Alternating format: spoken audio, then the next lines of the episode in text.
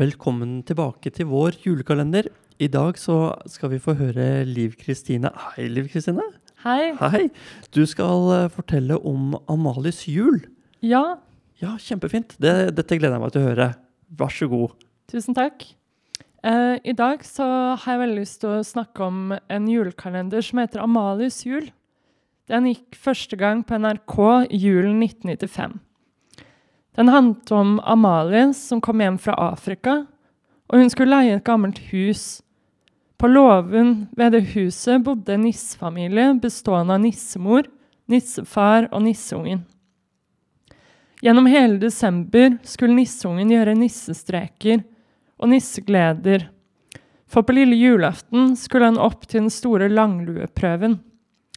Jeg husker godt jeg var helt trollbundet av den serien da han kom. Og jeg hadde også kalenderen som fulgte med.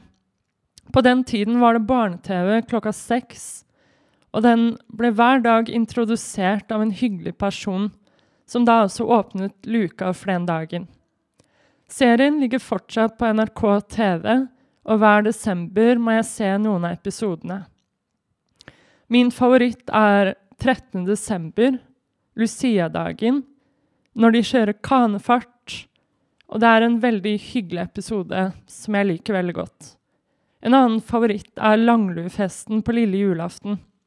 Den serien minner meg veldig om barndommen, så den må jeg se noe av hvert år. Og jeg kan også kveldssangen nissemor synger til nissungen utenat. Wow, det hørtes jo kjempekoselig ut. Veldig. Dette gleder jeg meg også til å se. Tusen takk, eh, Liv Kristine.